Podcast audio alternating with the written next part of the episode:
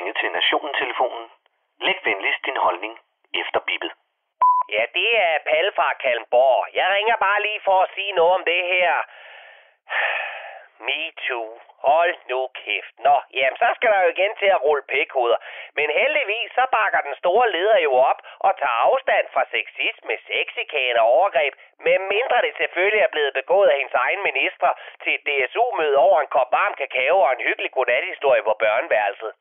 Ja, men Palle, der er allerede blevet sagt undskyld. Nå, bliver der sagt undskyld, jamen så er alt jo godt. For en undskyldning, det er jo lige det, en 15-årig pige har allermest brug for, når en dobbelt så gammel mand lige har tømt sig selv for politisk visdom og sæd ud over teenageværelset en sen nattetime. Skulle Harvey Weinstein så også bare have sagt undskyld, da han havde gokket i en potteplante og byttet filmroller for sex? Prøv nu lige at høre her. Hvis vi stadig kan bringe 98-årige nazister for en domstol, spekulere i, hvem Jack the Ripper var, og stadig undre os over, hvordan Henrik Sass Larsen, den dobbeltmoralske mandebolleprins, kan slippe afsted med at slikke både røv og sår for så at opstå som kapitalismens fugl Phoenix, så kan vi vel for fanden da også finde en anden, der kan være udenrigsminister. Jamen, Palle, den sag, den er altså forældet, og tiden, den var en anden dengang. Gider du lige lukke din pis?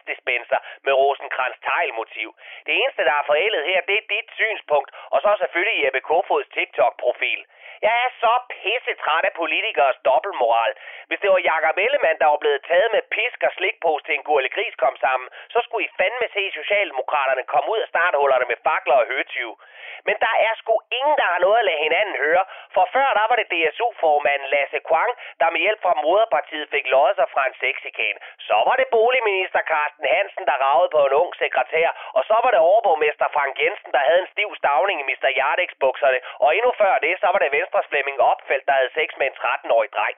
Jeg siger ikke, at Christiansborg er en selvbestaltet pædofilring. Men Christiansborg er en selvbestaltet pædofilring. Hov, hov, hov, Palle, nu kører du vist bare lige ud af en tangent. Ja, det kan sgu da godt være, men det er de røvhuller derinde, der laver lovene og grædbøjer dem efter for godt befindende. Og så kan landets mediechefer også godt begynde at finde nogle andre at rave på, for der er vist andet end tryksværd og lort på deres fake news -naller. I årvis har de dækket sagerne ude i landet, imens de selv har været journaliststandens liderlige rev, der voksede for. Men nu ruller den gule breaking news bjælke nede i bunden af skærmen, og den fortæller, at de danske aviser og tv-stationers HR-afdelinger i nær fremtid kommer på mere overarbejde end en jødisk lobbyist i statsministeriet.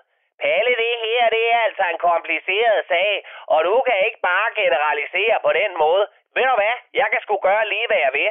For hvis TV2 kan nedkalde en fat med over deres kvindelige journalister, og Mette fucking Frederiksen kan smide holocaustkortet i omskæringsdebatten, så kan jeg vel også kalde seksuelle krænkere for Jeppe K.